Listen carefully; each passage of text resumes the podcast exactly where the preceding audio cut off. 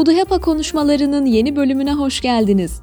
Bu bölümde Almanya'da göç hukuku konusunda 7 Aralık 2022 günü gerçekleşen Puduhepa konuşmasının kaydını dinleyeceksiniz. Bölümün konukları göç hukuku alanında uzman avukat Dr. Martin Manzel ve aile hukuku alanında uzman avukat Dr. Hayriye Yerlikaya Manzel. Puduhepa konuşmaları Demokratin Dermite tarafından desteklenmektedir.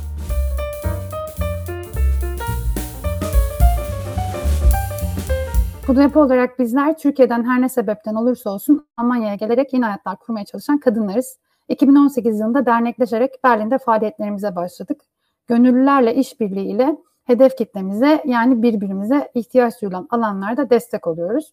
E, dernek olarak kadınların kendi deneyimlerini aktarabilecekleri ve yeni deneyimler kazanabilecekleri imkanları geliştirmek, iletişim ağlarını kurmak ve bunları desteklemek, her türlü ayrımcılıkla da mücadele etmek ve dayanışma ağlarıyla farkındalık yaratmak için çalışmalarımızı yürütüyoruz. Bu iletişim kanallarımızdan biri de WhatsApp grubumuz. E, bu WhatsApp grubuna ihtiyacımız olan konularda birbirimizi bilgilendirmek, dayanışma kurmak, karşılaştığımız zorluklar konusunda birbirimize danışmak için yazıyoruz. Etkinliklerimizi de buradan duyuruyoruz.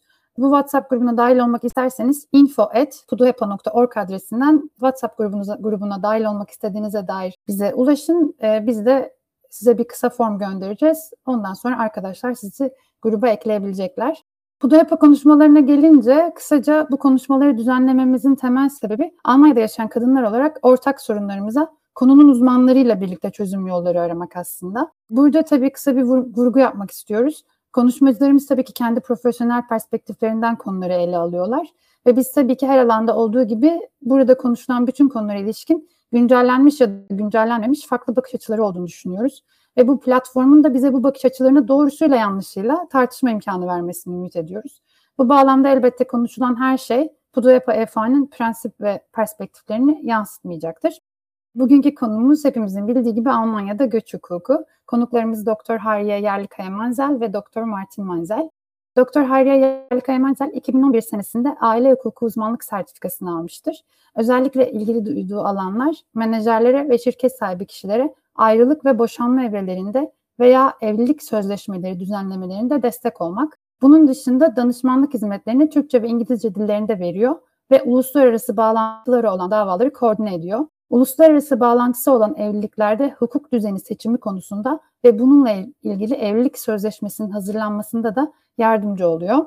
Dr. Martin Manzel ise 2016 senesinde göçmenlik hukuku uzmanlıkasını almıştır göçmenlik hukukunda ticaretle bağlantıları olan davalara ağırlıklı olarak bakıyor. Yurt dışında faal olan şirketlere Almanya'da şirket kurmaları ve oturum ile çalışma hakkı kazanmaları konusunda hukuki destek veriyor. Avrupa Birliği Mavi Kart, iş bulma veya çalışma vizesi, Almanya'ya yurt dışından iş gönderimi gibi konular Doktor Manzel'in uzmanlaştığı konular. Her iki konumuz da Temmuz 2022 itibariyle İstanbul Kültür Üniversitesi'nin hukuk fakültesinde misafir öğretim üyeleri olarak çalışıyorlar. Dr. Martin Menzel ve Dr. Hayriye Yerlikaya Menzel bu konuşmalarında Almanya'da iş kurmak isteyen girişimciler için gerekli vize ve oturum prosedürlerinden nitelikli göç, iş istihdamı, oturma izni, aile birleşimi ve Avrupa Birliği mavi kartı gibi konularda bizi aydınlatacaklar. Kendileri etkinliğimizde bizimle olmayı kabul ettiği için çok mutluyuz. Tekrardan hoş geldiniz. Söz sizin. Teşekkür ederiz. Ee, hoş bulduk. Sizinle bir araya gelmek bizim için de gerçekten mutluluk verici. Ee, özellikle Puda Hepa'nın yapmış olduğu çalışmalarını ben çok beğeniyorum. Katılamıyor olsam da e, her zaman ama gerçekten e, kadın dayanışması çok önemli. Türkiye'den gelen yani böyle çok güzel düşünmüşsünüz, çok güzel çalışmalar yürütüyorsunuz. Gerçekten e, severek uzaktan da olsa izliyorum yaptığınız çalışmaları. Instagram'dan da görüyorum. Bu yüzden tebrik ediyorum öncelikle sizi çalışmalarınızdan dolayı ve bugün burada olmaktan da büyük keyif alıyorum. Martin Bey'e bırakıyorum önce bir sözümü. Um, Hayri Hanım bugün yani bu sunum yapacak. İlk olarak genel konuşacak. Ee, ve sonuçta biz e, bir tartışma herhalde yani e, yapıyoruz. E, genel hükümetin yeni göç hukukunun taslak üzerinde konuşacağız falan. Ben orada da yani soru cevap alanına katılacağım bugün. Belki şunu da eklemek gerekir. Aile hukuku uzman avukatıyım. Ancak son 3 senedir ben de göç hukukunda fazlasıyla rağbet olduğu için, fazlasıyla Türkiye'den Almanya'ya göç eden insanlar olduğu için göç hukukunda ben de çalışıyorum ofisimizde. Ama yine e, uzman avukat değilim bu alanda. Bu yüzden e, Martin Bey bize daha sonra destek sağlayacak soru cevap kısmında. E, bugün sunumu yapmak görevi bana kaldı. Evet, e, fazlasıyla Türkiye'den Almanya'ya göç eden insan var ve gittikçe de sayı artıyor. Göç nasıl ge- gelişiyor, nasıl e, mümkün, yasal şartları nedir? Ve birazcık böyle göç e, yasasının, e, göçmenlik yasasının biraz da böyle temellerinden bahsetmek istiyoruz ki bazı temel prensipler belki algılanırsa daha kolay konu ele alınabilir. Bu yüzden Alman göç hukukuna bakışla başlamak istiyoruz. Bunu söylerken aslında biz bunu neyle, e, neyden ayrıştırıyoruz? İltica hukuku ve göç hukuku iki ayrı konu. İltica hukuku her zaman e, bir soruya bakar. Neden ülkeni terk etmek zorunda kaldın? Yani terk edilen ülke neden terk edilmek zorunda kal- kalındı? Bu sorunun cevabı aranır. Ancak göç hukukunda da terk, terk edilen ülke değil de gidilen, göç edilen ülkeye hangi sebeple gitmek istiyorsun? Bu soruya bakılır. Yani amaç prensibi vardır. Hangi amaçla, hangi amacı gerçekleştirmek için Almanya'ya gelmek istiyorsun? Her zaman ilk etapta dikkate alınması gereken konu budur. Hangi amaçla gelmek istiyorsun? Bir amaç olmadan Almanya'ya gelinemiyor. Hukuki şartlar yerine gelmiyor. Ve ikamet kanunu Aufenthaltsgesetz e, bu konuda cevapları veriyor. İşte yabancıların Almanya'da hangi sebepten dolayı ikamet e, edebiliyor olmaları ikamet kanununda düzenlenmektedir. Burada dördüncü maddeye baktığımızda yabancıların Almanya Federal Cumhuriyeti'ne giriş yapabilmek ve orada ikamet edebilmek için oturum hakkına sahip olmalıdır, olmaları gerekmektedir diye belirttiğini yasa koyucu görüyoruz. Yani Almanya'ya giriş yapabilmek ve Almanya'da ikamet edebilmek için bir oturum hakkına ihtiyaç duymaktadır. Oturum hakkına baktığımızda ne tür e, mümkündür, hangi şekilde olmalıdır? Burada iki şekil e, mümkün olduğunu görüyoruz. Birisi vize, hepimizin güncel hayatımızda da özellikle Puduhepa e, kadınlarının bizzat yaşamış oldukları e, durumlar bunlar. Vize bir oturum e, hakkıdır. İkinci şekil ise oturum iznidir. İkamet kanunun kanunun 7. maddesi. Yani aslında her zaman oturum izni kazanmak için öncelikle bulunduğunuz ülkede Alman dış temsilciliğinde bir vizeye başvuruyorsunuz. Ee, bu vizeye de yurt içinde Almanya'ya geldikten sonra da oturum iznine başvurmak için başvurduğunuzu belirtiyorsunuz. Yani ben Almanya'ya gidip orada şu şu oturum iznine başvurmak üzere şimdi buradan bir vizeye başvuruyorum. Oluyor genelde. Peki e, işte vizenin de yine iki türü var. Başvurduğunuz vizenin bir tanesi Schengen vizesi. Yine sizlerin de sanırım hepinizin bildiği bir vize, vize türü. Bu ziyaretçi ya da ticaret vizesi olarak en fazla 5 yıl e, süren bir süreye kadar e, en, en fazla 5 yıllık bir süre e, süreliğine verilir. Ancak 5 yıllık bir süreliğine verilse dahi her zaman 180 gün içinde en fazla maksimum 90 gün kalabiliyorsunuz Almanya'da almış olduğunuz vize, Schengen vizesiyle. Bu bir vize türü. İkinci vize türü ise ulusal vize. Bu da işte biraz önce bahsettiğim oturum hakkına başvurmak üzere şimdi burada vizeye başvuruyorum vizesi.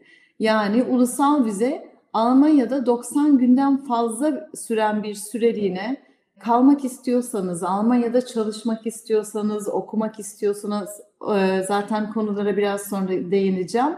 Daha uzun kalmak istediğinizde ulusal vizeye başvuruyorsunuz. Bu vizeye başvururken de hangi sebeple, hangi amaç amacı takip ettiğinizi vize başvurunuzda belirtmeniz gerekiyor. Amaç prensibine dayalı olarak. Sonra vizenizi alıyorsunuz. Bu şekilde görünüyor.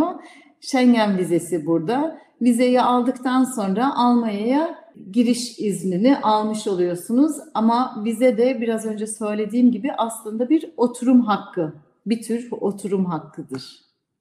Yani böyle bir daha genel olarak baktığımızda İkamet kanunun e, gereğince oturum nasıl gerçekleşir? Bir amacı olması gerekir. Oturum amacınızı belirtmeniz gerekir. Sonra oturum amacının belirtilmiş olduğu şartlarını, özel şartlarını yerine getirmiş olmanız gerekir. Mesela okumak için geliyorsanız ona göre bir dil sertifikanız olması gerekir. Ya da çalışmak için geliyorsanız iş sözleşmeniz olmanız, olması gerekir vesaire vesaire. Tabii ki daha fazla şartlar ama özel oturum hakkına özel belirtilmiş olan şartların yerine getirmiş olmanız gerekir. Sonra ikamet kanunun bir de genel şartları vardır. Özel amaçtan bağımsız e, genel şartları da yerine getirmiş olmanız gerekir. Daha sonra da vize prosedürünü başlatabilirsiniz ve vize, vize prosedürü gereğince Almanya'ya giriş izni alabilirsiniz. Tekrar amaca değinmek istiyorum. Oturum amacı. Dedik ya amaç prensibi. Bir amacınız olmadan, e, yasal e, bir amacınız olmadan Almanya'ya gelip burada oturum hakkı elde edemiyorsunuz. Peki bu e, amaçların yine iki türü var. Biri bağımsız, başka kimseden bağımsız bir amaç. İşte yüksek öğrenim görmek için dil kursuna katılmak veya okula gitmek ya da çalışmak için e, Almanya'ya gelmek isteyebilirsiniz. Akademisyen, yüksekokul mezunu olabilirsiniz veya meslek eğitiminizi tamamlamış olabilirsiniz, denkliğinizi almış olabilirsiniz veya denkliğinizi tamamlamak istiyor olabilirsiniz ya da araştırmacı olarak gelmek istiyor olabilirsiniz veya serbest çalışma amacıyla gelmek, gelmek isteyebilirsiniz. Bunlar tamamen başka insandan, başka kişiden bağımsız bir oturum hakkı türleridir.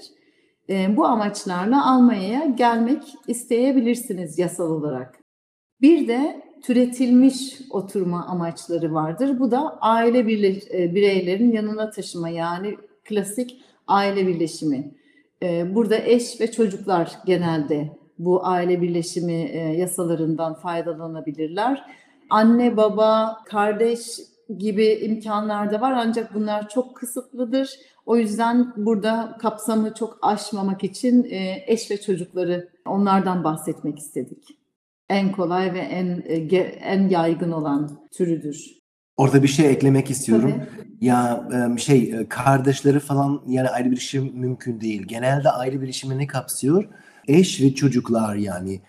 Ve en büyük sıkıntılardan Almanya'da budur. Yani biz bu ayrı bir işimin için nitelikli emanlar istiyorsak biz onların ana ve babaları için bir çözüm bulmamız lazım. Çünkü affedersiniz siz Erzurum'dan Almanya'ya taşınacaksınız. Burada yaşayacaksınız. 20 seneden bir buradasınız. Ondan sonra anne babanız yani Türkiye'de kaldılar, yaşlı oldular. Bütün çocuklar Almanya'da yaşıyor. Bir gün birisi vefat edecek. Ondan sonra diğer e, kişi yani mesela annesi e, şey Türkiye'de tek kaldı köylerde. Yani onlar buraya nasıl getirebilirsiniz? Bu büyük bir sıkıntı. Alman kanuna göre şimdi kadar onlar bir çözüm bulmadılar. Öyle bir ayrı bir şey mi? Bile annesi baba, babası Almanya'ya getirmek için çok zor ve biz müvekkillerimizden biliyoruz. Yani büyük bir sıkıntı. Ee, insanlar için gerçekten çok zor ve yani sık sık yardımcı olabiliriz ama bu olağanüstü istisna durumlar için yani kanuna göre e, yani bu mümkün değil. Ara sıra biz bir çözüm buluyoruz ama um, bu büyük bir sıkıntı ve kardeşler falan Almanya'ya getirmek o da neredeyse mümkün değil yani maalesef. Evet, teşekkür ederim e, açıklaman için. Öyle yani yasada ne zaman e, olağanüstü durum, olağanüstü hal, dayanılmaz hale geldiyse eğer falan gibi terimleri okursanız bilin ki gerçekten neredeyse mümkün değil maalesef ve özellikle anne babanın aile birleşimi yoluyla Almanya'ya gelmeleri gerçekten büyük bir sıkıntı. Bizim de bilhassa Martin Bey'in de bu konuda gerçekten e, siyasi girim, e, girişimleri dahi e, oldu. Bu konunun ciddi olarak ele alınması gerektiği. Yani Almanya bir göç ülkesi olmak istiyorsa, kalifiye eleman açığı varsa, bu konuda kalifiye eleman göçünü kolaylaştırmak istiyorsa biraz daha uzun vadeli düşünerek bu gelen kalifiye elemanların anne ve babalarını ileride yaşlı olduklarında, bakıma muhtaç olduklarında yanlarına alabilmelerine dair değişikliklerin yapılması şart. Biz yani biz bu konuda gerçekten büyük bir ihtiyaç görüyoruz. İşte bakım evleri vesaire de burada. Almanca'da güzel kultursensibel dediğimiz yani kültürü dikkate alan gelenek, örf, adet işte kültürleri biraz daha bu konuda bir e, e, hassasiyeti olan bakım evleri de mesela gerçekten gitgide büyük bir ihtiyaç haline geliyor ve bu konuda değişiklik olması şart. Maalesef şu anki en sonunda zaten bir e, değineceğiz. Yeni hükümetin bu, konuda girişimleri var. Daha da kolaylaştırmak istiyor. Fakat anne babanın e, aile birleşimi yoluyla gelmesi konusunda herhangi bir değişiklik şu an görünmüyor. Yani yapılmayacak muhtemelen. Evet ya aile birleşimine biraz önce değindik ve işte oturum hakkının belirtilmesi, oturum hakkının özel şartlarının yerine getirilmesi ama her oturum başvurusunda gerçekten her başvuruda bir de genel şartların yerine getirilmesi e, öngörülmektedir ve bu genel şartlar nedir? İlk olarak Alman devleti tabii ki gelen kişinin kısa süre sonra Alman devletine maddi bir yük oluşturmaması engelini koymakta. Yani Alman devleti ya da Alman yasa koyucusu diyor ki eğer sen benim ülkeme geliyorsan, gelmek ve burada ikamet etmek, e, yaşamak istiyorsan biz sana yani işte maddi manevi anlamda senin için e, fazla bir e, yük taşımak istemiyoruz. Bu, bu nedenle kendi geçimini kendin sağlaman gerekir. Yani buraya gelmek isteyen insanların bunu kanıtlamaları gerekiyor. Çalışmak için gelen insanların işte bu benim iş sözleşmem, kendi geçimimi sözleşmede gördüğünüz maaş e, gereğince ya da maaş e, vasıtasıyla kendim sağlayabileceğim diyebilmeleri gerekiyor. Ya da işte okumak için geliyorum bloke hesap, iş aramak için geliyorum işte hesabımda şu kadar para var ya da iş kurmak için geliyorum. Son e, önümüzdeki 3-4 sene işim belki iyi gitmeyebilir. Yeni kuruluş aşamasındayım ama hesabımda şu kadar para var. Bundan kendim geçinebilirim. İşler kötü gitse dahi bir şekilde kendi geçimimi sağlayabilirim. Bu konuya her zaman yani bu bu şart her zaman yerine getirilmek zorundadır. Evet, genel şartlar. Biri işte kendi geçiminizi kendinizin sağlamanız gerekiyor. Kendiniz sağlamanız gerekiyor. İkincisi de kimliğinizin açık belirtilmiş olması ve ispatlanmış olması. Yani pasaportunuzun e, olması gerekiyor. Pasapor, pasaportum yok, kimliğim bellisiz, e, belirsiz a, ve ülkenize gelmek istiyorum diyemiyorsunuz. Kimliğiniz açık olmalı e, ve vatandaşlığınız, kimliğiniz hakkında herhangi bir şüphe de olmamış e, ya da olmaması gerekiyor. Bunun dışında e, gelecek olan ya da gelmek isteyen kişinin Almanya'dan uzaklaştırılmasının e, işte daha avantajlı görünüyor olmaması gerekiyor belirli sebeplerden dolayı. İşte yine Almanya için herhangi bir tehlike teşkil etmemesi gerekiyor o kişinin. İşte o ilk daha önceki ikinci madde burada ikinci madde olarak sıralanmış olan da işte sabıka kaydı var ve ciddi suçlar işlemiş Türkiye'de Almanya'ya gelmek istiyor. Tabii ki Alman devletinin böyle bir e, girişimi onaylayacak hali yok. O yüzden de e, sabıka kaydına da bakılır daha sonra Almanya için herhangi bir teş, e, tehlike teşkil ediyor mu bir terör örgütüne üye mi gelmek isteyen kişi? Bunlar da genel şartlar arasında. Son olarak da işte pasaport yükümlülüğünde tekrar yerine getirilmiş olması. Şimdi bunu okurken Martin Bey'e hemen tekrar bir sormak istiyorum. Çünkü ben kimliği ve vatandaşlığı konusunda şüphe bulunmaması ve pasaport yükümlülüğünün neredeyse aynı olduğunu görüyorum bir kısa açıklama yapabilir misiniz Martin Bey? Evet Hayri Hanım. Ara sıra e, çift vatandaşları da var. Yani siz bütün bilgiler vermeniz lazım. Neden? Çünkü Almanya ölmek istiyor. Kim geliyor? Yani hanımefendi kim, beyefendi kim? Neden soruyorlar? Çünkü bir sıkıntı varsa onlar sizi geri göndermek istiyorlar. Bu nedenle onlar ölmek, onlar ölmek istiyor. Ee, şey başvuru yapan kişi kimdir, nereden geliyor, hangi ülke onun geri alacak? Bunun nedenle öyle şeyler belli olmalıdır. Ama bu neredeyse aynı. Yani bu genel şartlar her zaman geçerli. Herhangi bir başvuru yaptığınız zaman siz orada dikkatli olmanız lazım. Çünkü Almanya kimse için ödemek istemiyor. Geçimi kendi kaynaklarından sağlamanız lazım. Belli yani. Normal herhangi bir ülke öyle bir şey yap. Yani bütün ülkeler öyle bir şey yapıyor yani. Tabii ki ee, bu çok normal bir prensip ve aynı zamanda tabii ki Türkiye bir Türkiye'si yaşamak istemiyoruz. Yani terör örgütü olan kişiler de yani gelmesin tabii ki. Biz ölmek istiyoruz. Kim gelecek ve tabii ki Yani bu şartlar altında onlar her zaman geçerli. Herhangi bir başvuru yaptığınız zaman dil kursu olabilir, mavi kart içinde olabilir. Bu onlar her zaman geçerlidir. Peki teşekkürler. Evet, yani oturum amacınızı belirlediniz. Özel amacınızın özel şartları yerine gelmiş olduğunu kanıtladınız. Genel şartlar da yerine geliyor. Vize sürecine başvuruyorsunuz. Vize sürecini başlatıyorsunuz. Bu da ne demek oluyor? İşte bu örnek İstanbul e, Alman Başkonsolosluğunu gösteriyor resim. İstanbul'da Almanya'nın dış temsilciliğine Almanya'ya gitmek üzere vize başvurusunda bulunuyorsunuz. Alman e, Başkonsolosluğu da genelde yurt içindeki işte Berlin'e gidiyorsanız yetkili yabancılar dairesi Berlin ya da başka şehre gidiyorsanız başka şehrin yetkili yabancılar dairesinin fikrini alabiliyor e, vize başvurusu konusunda. Sonra Almanya'ya geldikten sonra da bulunduğunuz şehirde yetkili olan yabancılar dairesinde bir daha oturum başvurunuzu gerçekleştiriyorsunuz. Yani Türkiye'de vize başvurusu, Almanya'ya geldikten sonra da oturum hakkı için başvurunuzu yapıyorsunuz. Martin Bey'in her zaman e, bu resimleri gördüğünde vurguladığı da işte Türkiye'deki güzel İstanbul Başkons İstanbul'daki Alman Başkonsolosluğu'nun güzelliğinin karşısında Berlin'deki Yabancılar Daire- Dairesi'nin çirkinliği yani göze batan gerçekten bina olarak ama maalesef böyle yapacak bir şey yok. Yani bu konu anlaşıldı e, diye tahmin ediyorum değil mi Havli Hanım? Türkiye'de vize başvurusu geliyorsunuz o almış olduğunuz vizeyle de vize süresi bitmeden önce mesela 6 aylık bir vize süreci veriliyor. Süre bitmeden de Almanya'ya gelip burada oturum hakkı için e, gerekli olan şartları yerine getirip oturum için başvuruyorsunuz yetkili yabancılar dairesinde. Evet Bence bu vize doğru. sadece bu hudut geçirmek için. Yani yani vizeler yani genelde 6 ay kadar 3 ay kadar ulusal vizeler geçerlidir.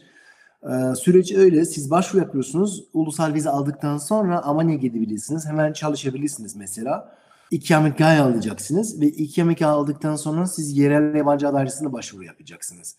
Fakat em, o yeni bir şey. E, Gelecekte herhalde bu ulusal vizeler bir senelik bir sene için yani geçerli olabilirler. Zaten mümkündü. Yani yani e, eskiden biz araştırma fikirlerimiz için gerçekleştirebildik.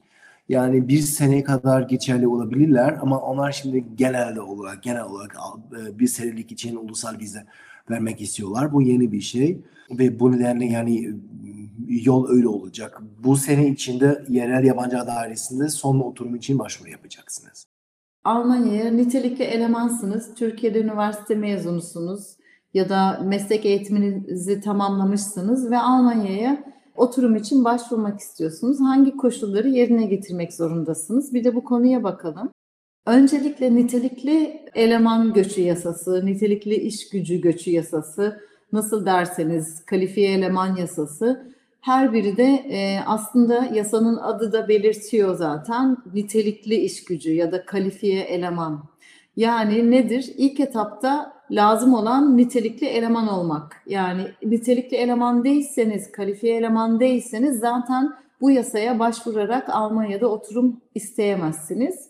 Kim nitelikli eleman? Buna baktığımızda 18. maddesinin e, ikamet kanunun e, 18. maddesine baktığımızda görüyoruz. Almanya'da nitelikli mesleki eğitimini başarıyla tamamlamış veya başka bir ülkede, yabancı ülkede tamamlamış olduğu nitelikli mesleki eğitimi Almanya'daki eğitime eşdeğer olan yani burada denkliğini almış olan, eşdeğer olduğuna dair bir belge almış olan kişi.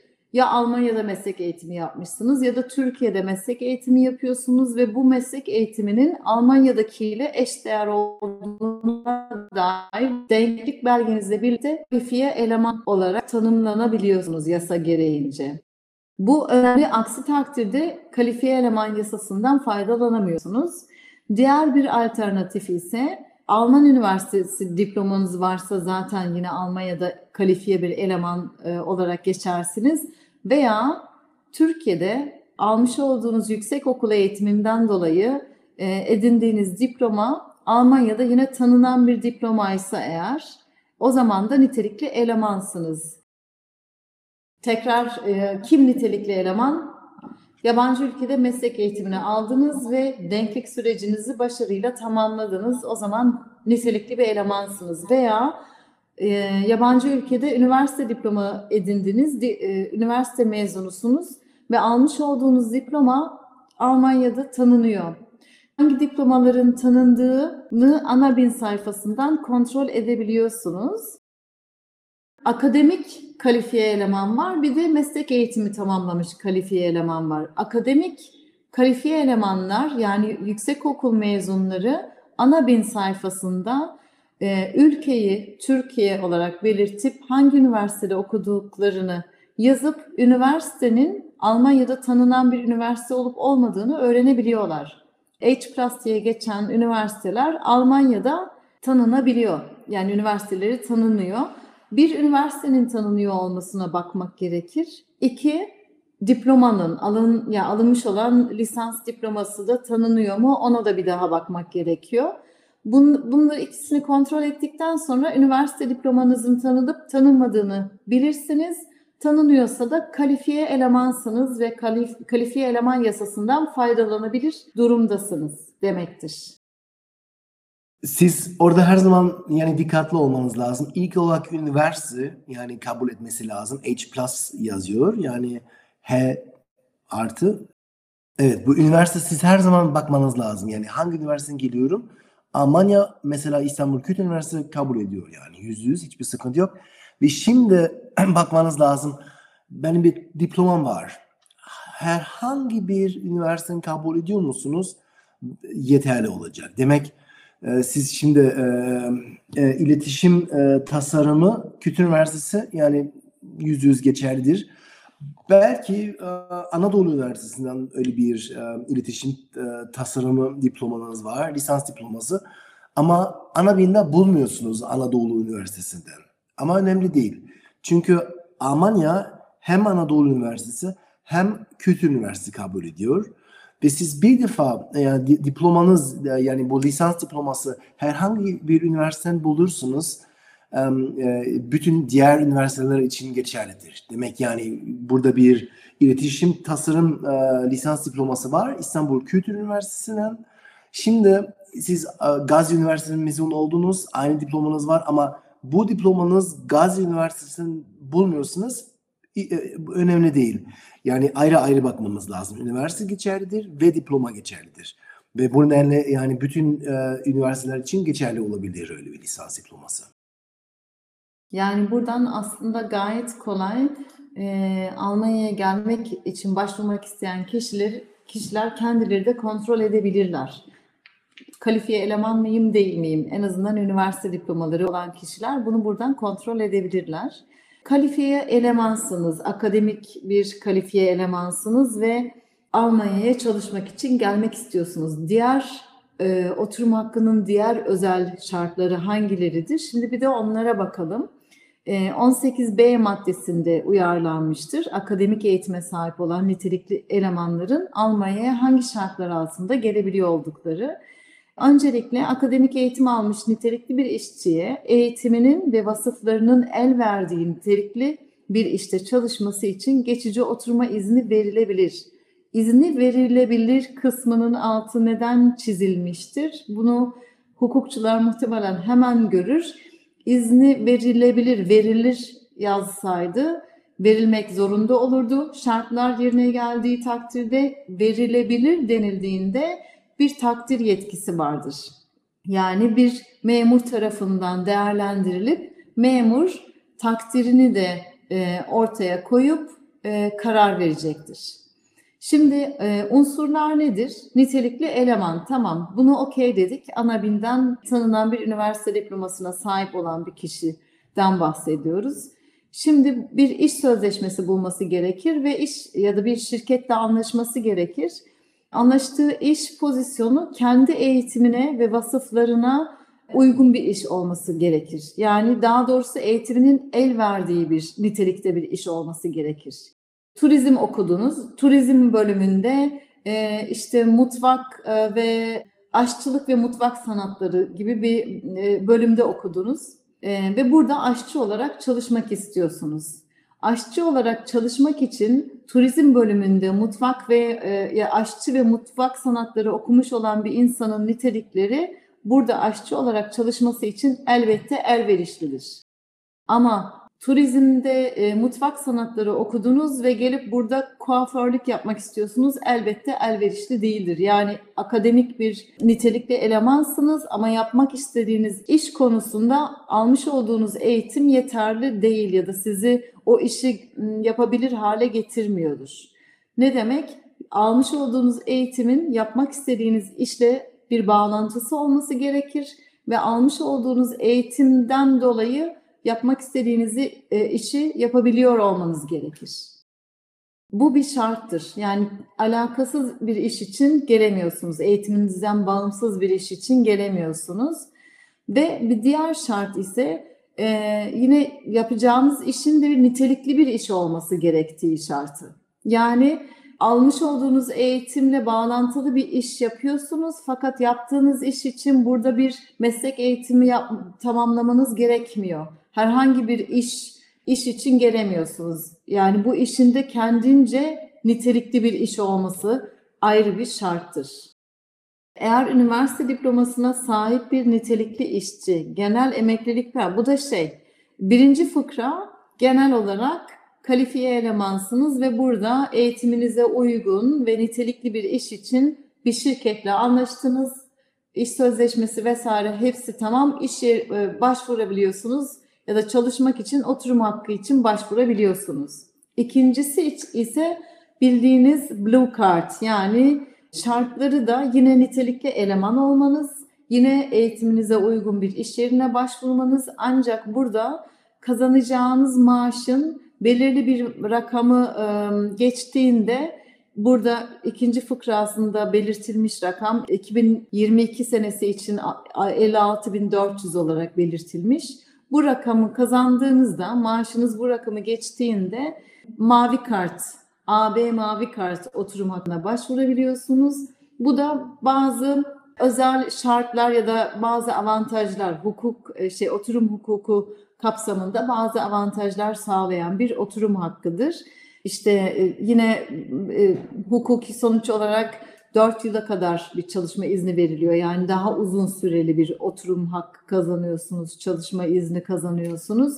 E, aile üyelerinin getirilmesi biraz daha kolay oluyor. Mesela e, aile birleşimi için A1 seviyesinde Almanca gerekli. Diğer kalifiye elemanlar geldiğinde e, aile birleşimi için gelecek olan eşin A1 seviyesinde Almanca biliyor olması gerekir. Fakat Blue Card sahibi e, elemanların eşleri A1 seviyesinde Almanca konuşamamalarına rağmen hiçbir Alman, Almanca seviyesi olmadan gelebiliyorlar. Aile birleşimi gerçekleşebiliyor ve çok daha kısa sürede ya da daha kısa sürede süresiz oturum hakkına da başvurabiliyorlar.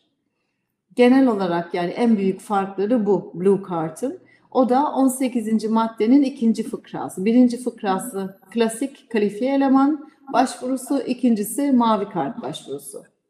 Ya bu mavi kart zaten yani yeni bir şey değil. Yani herkes yani bu konu üzerinde bir şey duydu. Fakat aynı zamanda yani maaş görüyorsunuz yani 56.400 bayağı yüksektir. Yani herhangi bir pozisyon için herhangi bir işveren sizi kolay kolay öyle bir iş sözleşmesi vermez yani. Ee, zannetmiyorum. Tabii ki var yani yüksek pozisyonlar içinde var ama tabii ki Almanya'da yani bizim e, ekonomi durumu biraz zor. Yani işverenler o kadar maaş yani bütün branşlarda ödemezler. Bu nedenle mavi kart güzel bir um, oturum fakat ortalama bir norm yani ortalama bir oturum gibi bir şey değil yani. Um, bunun nedenle ikinci opsiyon olarak ben bunu göster gösteriyorum. Um, madde e, B e, birinci fıkra. Yani siz nitelikli eleman olarak gelebilirsiniz fakat maaşınız biraz daha düşük olacak. Uygun bir iş yapacaksınız. Yani eğitim ile bağ bağlantısı tekrar var. Fakat maaş daha küçüktür. Atıyorum yani siz mesela 40 bin euro kazanacaksınız senelik. şey federal çalışma makam bu başvuru öyle bir başvuru oturum için başvuru yaptığınız zaman federal çalışma makam bir onay vermesi lazım. Mavi kart için onay vermeye gerek yok. Fakat şey bu oturum için federal çalışma makam bir onay verecek. Ama siz nitelikli eleman olarak yani uygun bir maaş için yani uygun bir pozisyon için Almanya'ya gelebilirsiniz. Bile bu mavi kart şartlarının gerçekleştirmeden önce yani gelebilirsiniz. Ve her iki için yani hem mavi kart hem nitelikli eleman oturum 4 sene kadar geçerli olabilir. E, fakat orada bir fark var görüyorsunuz. 48 aydan sonra süresiz bir oturma hakkı kazanacaksınız. Mavi kart 21 ay bile. Yani bu büyük bir avantaj. E, ama her iki oturumlar yani bayağı uygundur nitelikli elemanlar için. Evet, e, bunun dışında nitelikli elemanların iş arama vizesi olanakları var. İkamet, İkamet Kanunu'nun 20. fıkrasında, e, 20. maddesinde bulunuyor iş arama vize kanununun, iş arama vize e, şartları. Akademik eğitimini tamamlamış nitelikli bir işçiye, bir elemana eğitimini ve vasıflarını uygulayabileceği bir iş araması için 6 aya kadar oturma izni verilebilir. Burada önemli olan bu vize başvurusunda bulunmak isteyen kişilerin gerçekten iş aramak istediklerini motivasyon yazısıyla, bir motivasyon yazısıyla e, Alman Başkonsolosluğu'na e, sunmaları ve e, tutarlı bir başvuru yapmaları. Yani iş aramak isteyen bir insanın işte tabii ki öncelikle e, akademik eğitimin tamamlanmış olması şartı, kalifiye eleman olduğunu göstermesi gerekir. Ama bunun dışında da e, hiçbir girişimde olmadan ben şimdi Almanya'ya gitmek istiyorum, orada iş aramak istiyorum diyen kişilerin vize başvurularının red olma ihtimalleri çok yüksek.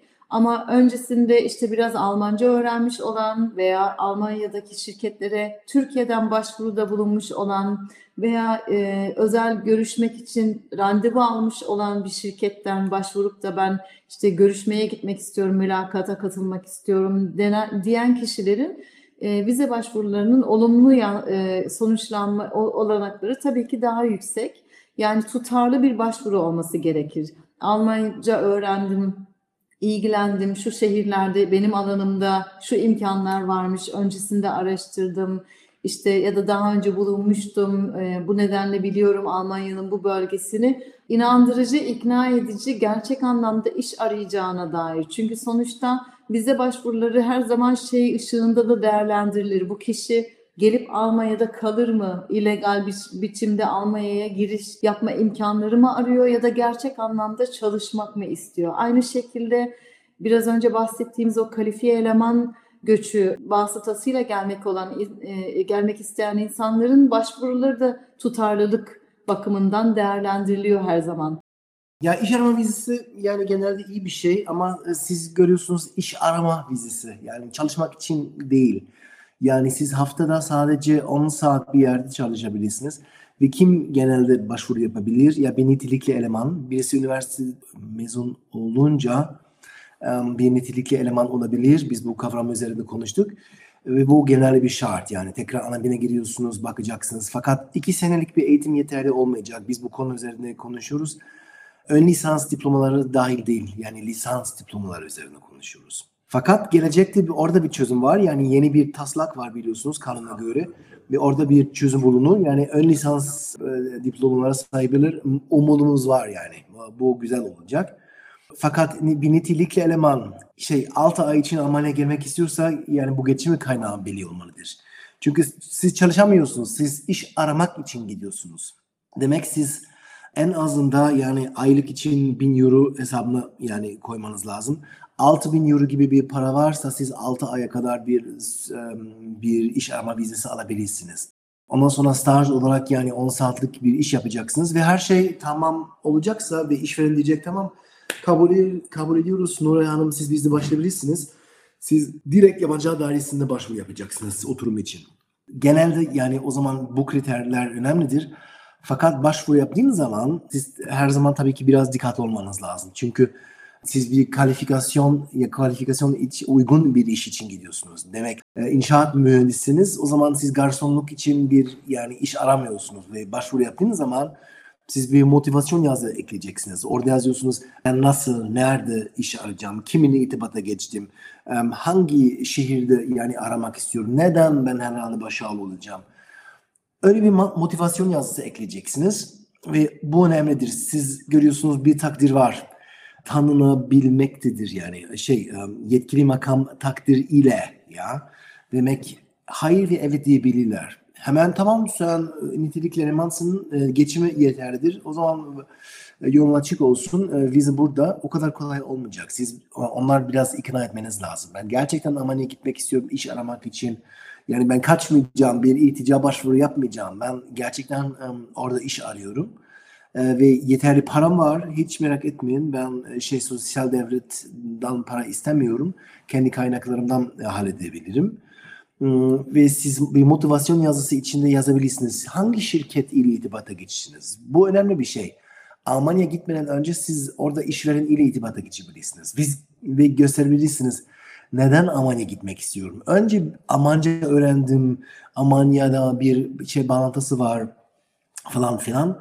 Ee, siz belki öyle bir şey duydunuz. Biz İstanbul Kültür Üniversitesi için şu anda bir nitelikli eleman e, göç programı e, gerçekleştiriyoruz. Ve onun katılımcılar için tabii ki büyük bir avantaj. Çünkü onlar görmek gö- gösterebilirler. Yani biz Almanya üzerinde eğitim aldık. Biz biliyoruz e, Almanya nasıl bir ülke falan filan. Ve bu nedenle bir oturum gerçekleştirmek için öyle bir diplomaları, sertifikaları gösterebilirsiniz her zaman bir avantaj. Çünkü orada aynı zamanda göster ma- Alman makamları gösteriyorsunuz.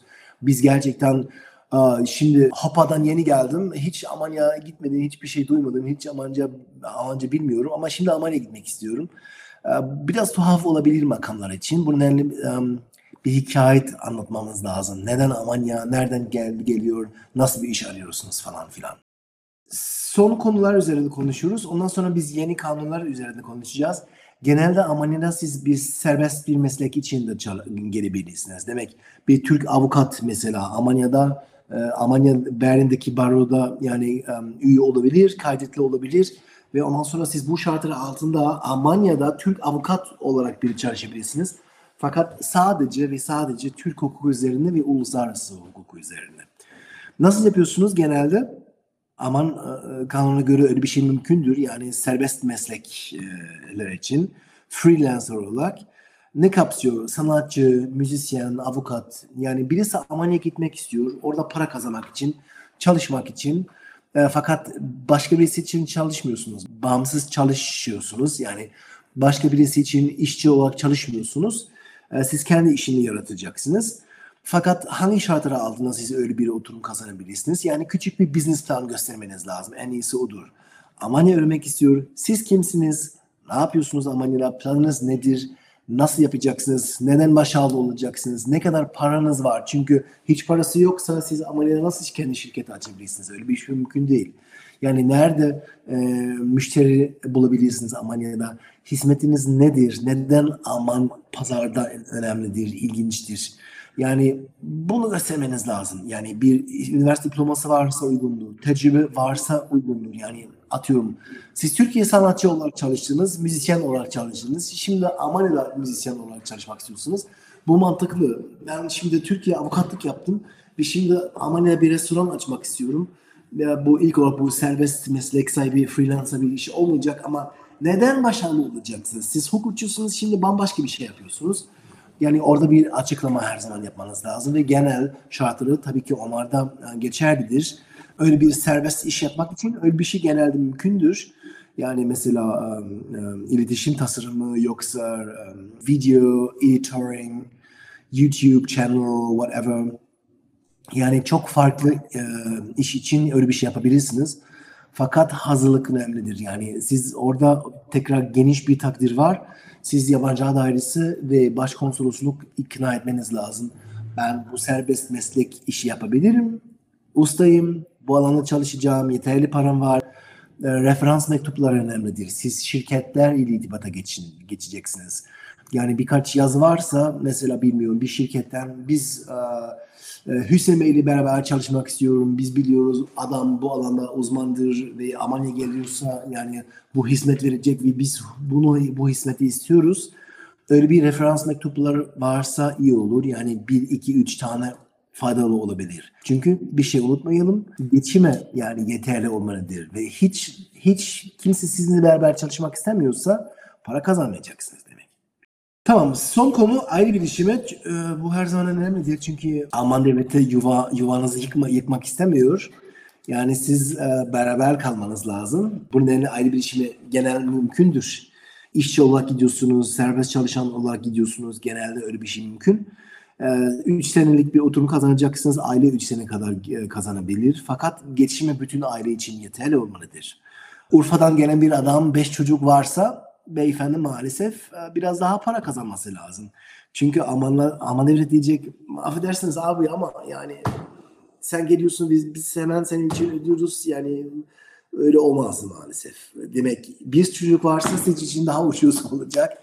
Beş tanesi varsa tabii ki yani geçişime bütün aile için yani biraz daha sağlam olmalıdır. Önemli bir kriter A1 dil sertifikası istiyorlar eşten, eşlerden yani. Siz gidiyorsunuz nitelikli eleman ve o, bu önemlidir. Siz Almanca bilmeden bile gidebilirsiniz. Atıyorum bir bir Türk e, kuaför bir berber salonunda çalışacak nitelikli eleman olarak denklik yaptıktan sonra Almanca bilmeye hiç gerek yok. Fakat eş gelmek istiyorsa A1 dil sertifikası istiyoruz. Bu biraz saçma sapan bir şey ama maalesef öyledir. Ee, birkaç tane istisna var. Mavi e, kart sahibiler için uygundur, mümkün e, yani sıkıntı yok. Yoksa eş yani eşiniz yani bir üniversite mezunu olunca yani bir lisans diploması varsa yoksa bir ön lisans denebilirsiniz. Yani bu uyum sağlama süreci çok zor olmayacak. Bu nedenle onlar bir abi dil sertifika istemiyorlar sizden. Ve tabii ki serbest e, çalışanlar için orada bir avantaj var genelde e, serbest çalışan kişiler için yani onlar yani siz gitmeden önce evler, evlenirseniz e, ve Türkiye'de beraber yaşadığınız bir hafta bile yeterli olabilir. Yani evliyorsunuz birisi gidiyor diğer kişi ondan sonra geliyorsa e, siz bu şartlar altında bir A1 dil sertifikası almaya gerek yok. Evet yani federal hükümetin yeni planları var. İş gücü açığı var. Almanya'nın çok ciddi gerçekten ve neredeyse her gün yeni e, istatistikler açıklanıyor, yeni araştırmaları sonuçları açıklanıyor. Son okuduğumuz açıklamalara göre 2030 senesine kadar 5 milyon elemana ihtiyacı var Alman iş piyasasının. Ve biz bunu aslında gitgide her günde gerçekten güncel hayatta artık fark etmeye başladık. Bir zanaatkar mesleklerinden birilerine bir görev vermek istiyorsunuz, bir iş teklif ediyorsunuz. Bunu ancak haftalar sonra gerçekleştirebiliyorlar çünkü eleman açığı var. Nereye giderseniz hatta bazı e, idari makamlar bile, kamu makamları, kamu daireleri bile e, mesela Aachen Belediyesi e, bu oturum başvurularında, oturum uzatma başvurularında o kadar e, büyük bir açığı var ki, personel açığı var ki artık başvuru dosyalarını bile düzgün işleyemiyorlar ve hani bir dosyaya bir çalışan bir memur bakmıyor. Bütün memurlar bütün dosyalara bakıyor çünkü açıkları var. Yani o yüzden de e, yeni hükümetimiz hala yeni diyebiliyoruz. Yeni hükümetimizin planı bir planı da bu kalifiye eleman göçünü biraz daha kolaylaştırmak. 2020 senesinin Mart ayında kalifiye eleman göçü yasası yürürlüğe geçti. Çünkü o zaman bile bu açığı fark etmiş durumdaydı e, eski hükümet. Ama şimdi biraz daha kolaylaştırmak istiyorlar ve e, kolaylaştırmak istedikleri şeylere bir baktığımızda şunu görüyoruz. Bir, e, üç kolon halinde kolaylık sağlamak istiyorlar. Biz bunlara üç adım dedik. E, Ayşenur'a buradan selamlar olsun. Bir e, adımda nitelikli eleman adımı.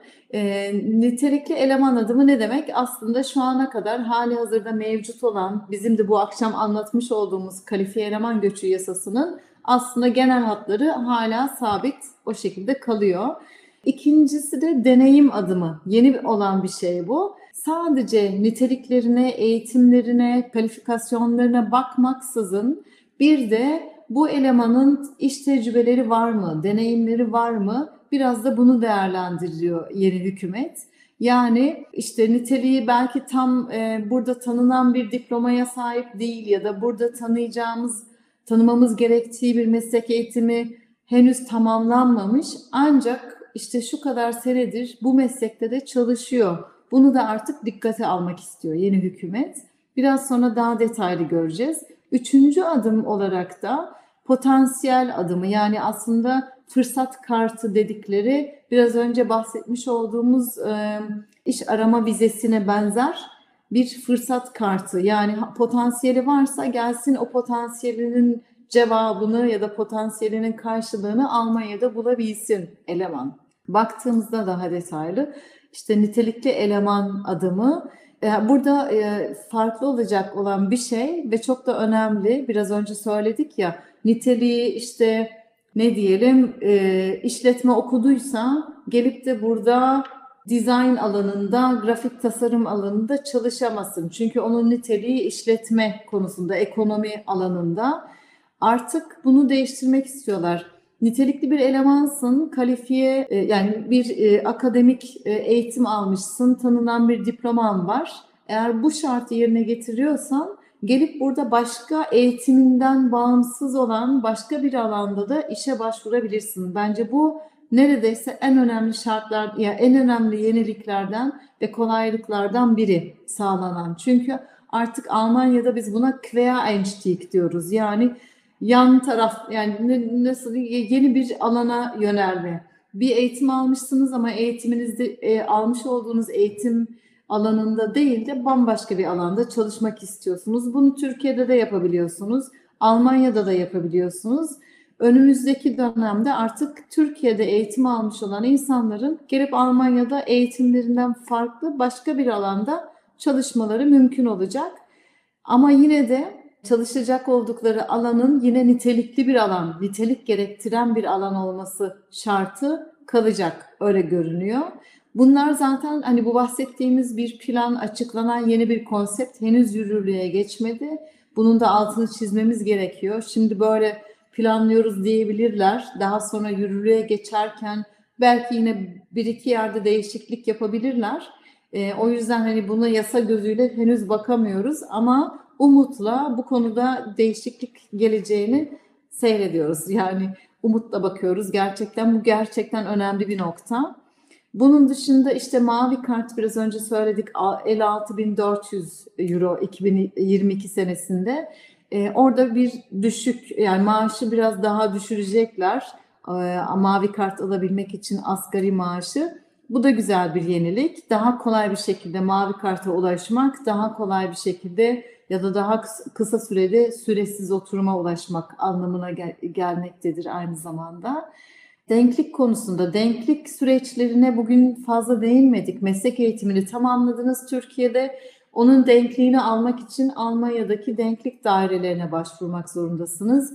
Ve bunu söyleyebilirim gerçekten kalifiye eleman yasası gereğince üniversite diploma sahibi olan kişiler çok daha kolay, çok daha kısa bir sürede Almanya'ya gelebiliyorlarken denklik başvuruları maalesef hala çok uzun zaman alıyor. Çünkü denklik daireleri fazlasıyla başvurularıyla başvurularla karşı karşıyalar ve yine personel açıkları da vardır muhtemelen çok uzun sürüyor. Yani bizim ofisimizde belki bilmiyorum 6 ile 9 ay, 6 ay yine kısa süren davalar diyebiliriz. Sırf denkliğini almak için sürüyor.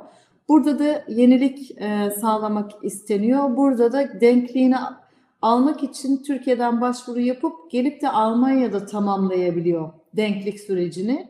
Bu ve buraya gelip burada çalışmaya da başlayabiliyor e, elemanlar. Bu da gerçekten e, güzel bir gelişme eğer gerçekten yürürlüğe geçerse. Sonra süresiz oturum şartını da değiştirmek planlanmakta. Değiştirilmesi planlanmakta. Daha önce 5 yılken şimdi 3 yıla indirilmesi planlanmakta. Sonra dil kursu için gelen kişilerin de yine çalışma izni, bir işe gitme izni düşünülüyor. Bu da 20 saate kadar dil kursu için gelmiş olmalarına rağmen 20 saate kadar haftada çalışabiliyor olmaları tabii ki geçimlerini sağlamaları açısından büyük bir kolaylık. Amaç değiştirme yasağının kalkması. Demiştik ki hep amaç prensibi var. Hangi amaçla Almanya'ya geldin? O amacı gerçekleştirebilirsin. Bu konuda da bize gerçekten fazlasıyla başvuru olu- oluyor.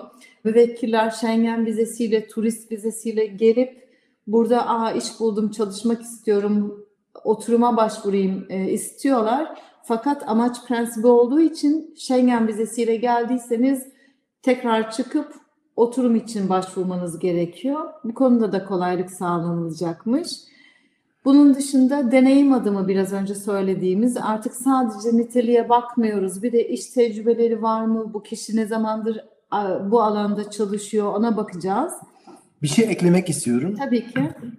Bu nitelikli eleman adımı yani siz biz siz görüyorsunuz üç tane şey e, genelde üç tane e, sütun var yani beş tane değil yani dört üç tane var. E, Ama hükümeti bunu gerçekleştirmek is- istiyor yani bu nitelikli eleman adımı yani aynısı gibi kalacak. Birkaç kaç tane yani e, anlattığımız gibi yani mavi kart falan hepsi kapsıyor. Fakat e, yani bazı şartları e, daha iyi olacak. Hayri Hanım dediği gibi biz orada konuştuk yani bu süresiz, e, sınırsız oturum, süresiz oturum hakkı 5 sene sonra. Normalde bu genelde bir e, bir süresiz oturum hakkı. E, Çünkü mavi kartı birileri için yani 21 ayda olabilir. Yoksa nitelikli eleman e, 48 ayda olabilir. Yoksa Almanya'dan bir üniversite mezunu ol- oluyorsanız 24 aydan sonra süresiz, süresiz, süresiz bir oturum hakkı kazanabilirsiniz. Fakat genelde mesela ayrı bir işin üzerine geliyorsunuz. Siz eş olarak yani ayrı bir işin e, bir oturum varsa 5 sene sürer oturum e, süresiz bir oturum hakkı kazanmak için. Ve şimdi bunlar da azaltıyorlar 3 sene olacak. Ve bir amaç değiştirme yasağı ne demek? Ara sıra bazı oturumlar için siz kolay kolay em, amacı değiştiremiyorsunuz. Demek siz bir meslek eğitimi için mesela geldiniz yoksa bir dil kursu için geldiniz. Ondan sonra ha dil kursu ya devam etmek istemiyorum şimdi ben bunu yapacağım şey şunu yapacağım mümkün değil. Çünkü amanlar e, aman devleti ara sıra korkuyor. İnsanlar niş gibi bir dil kursu için geliyoruz ondan sonra bambaşka bir şey burada yapmak istiyorlar. Bu nedenle bir amaç değiştirme yasağı vardı ama gelecekte öyle bir şey olmayacak. Fakat bu hepsi bu nitelikli eleman adımı kalacak. Bir de işte deneyim adımı var. İki yıllık kanıtlanmış bir meslek eğitimi varsa e, ya, da yüksek e, okul eğitimi o zaman işte biraz da şeye bakılabiliyor.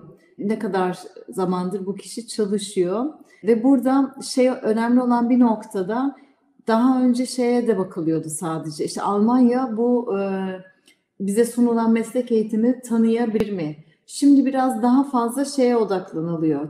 Türk devleti bu meslek eğitimini tanıyor mu? Çünkü hani Türk devletinin tanıdığı ama Almanya'nın yetersiz bulduğu meslek eğitimleri var maalesef birçok. Ancak artık Türk devleti bunu tanıyorsa bize gelip burada biraz da çalışmış olduğuna bakarak gelip burada denkliğini tamamlaması, burada çalışmaya başlamasına olanak verebiliriz diye bakılıyor, bakılacak önümüzdeki dönemlerde. Sonra işte denklik ortaklığı diye adlandırılan da yine orada Türkiye'de tanınan bir meslek eğitimi varsa denkliğini tamamlaması Almanya'da da mümkün olacak. Ee, şu anki düzenlemeye göre denklik tamamlanmadan ya da kısmi denklik alınmadan Almanya'ya gelinmesi yasak. Ama önümüzdeki dönemde bunun değiştirilmesi planlanmakta. Bir de potansiyel adım işte fırsat kartı, iş arama vizesiyle kıyaslanılacak bir kolon adım, iş sözleşmesi olmadan işte yeterlilik e, yani çeşitli bir puanlama sis- sistemiyle bir yıllık bir e, vizeye başvurula- başvurulabiliyor ve bu e, vize süreci içerisinde de yine haftada 20 saat çalışabiliyor iş arama vizesiyle gelip. Yine burada işte puanlama sistemine göre de işte aşağıda yazılan ya da burada yazılan unsurlara bakılıyor. Bunlara bakılarak evet bu kişinin işte puanı yüksek, iş tecrübesi var, referansı var, yaşı da uygun, gelip burada fırsatın işte potansiyelini kullanabilir ve çalışabilir. Dil bilgisi var. Yani bunların hepsi bir arada olmak zorunda değil ama ne kadar fazlasını tamamlıyorsanız o kadar büyük fırsatınız olur Almanya'ya gelip de burada çalışmak için iş aramak için, e, ikamet istemeniz için ve gelip burada çalışabilirsiniz aynı zamanda. Yenilikler bunlardan ibaret. Çok teşekkür ederiz. Ağzınıza sağlık, aklınıza, emeğinize sağlık. Çok teşekkür ederiz. Rica Teşekkür ederiz, ederim. Seve seve. Umarız Sağlık çok çok- karışık değildir çünkü hukuk yani sonuçta adı üstünde biraz karışık olabiliyor. Umarız anlaşılır bir şekilde anlatabilmişizdir. Çok İyi teşekkürler. akşamlar İyi akşamlar kalın. İyi herkese. akşamlar. Pudayapa konuşmalarını dinlediniz. Pudayapa konuşmaları Demokrati Indermitte tarafından desteklenmektedir.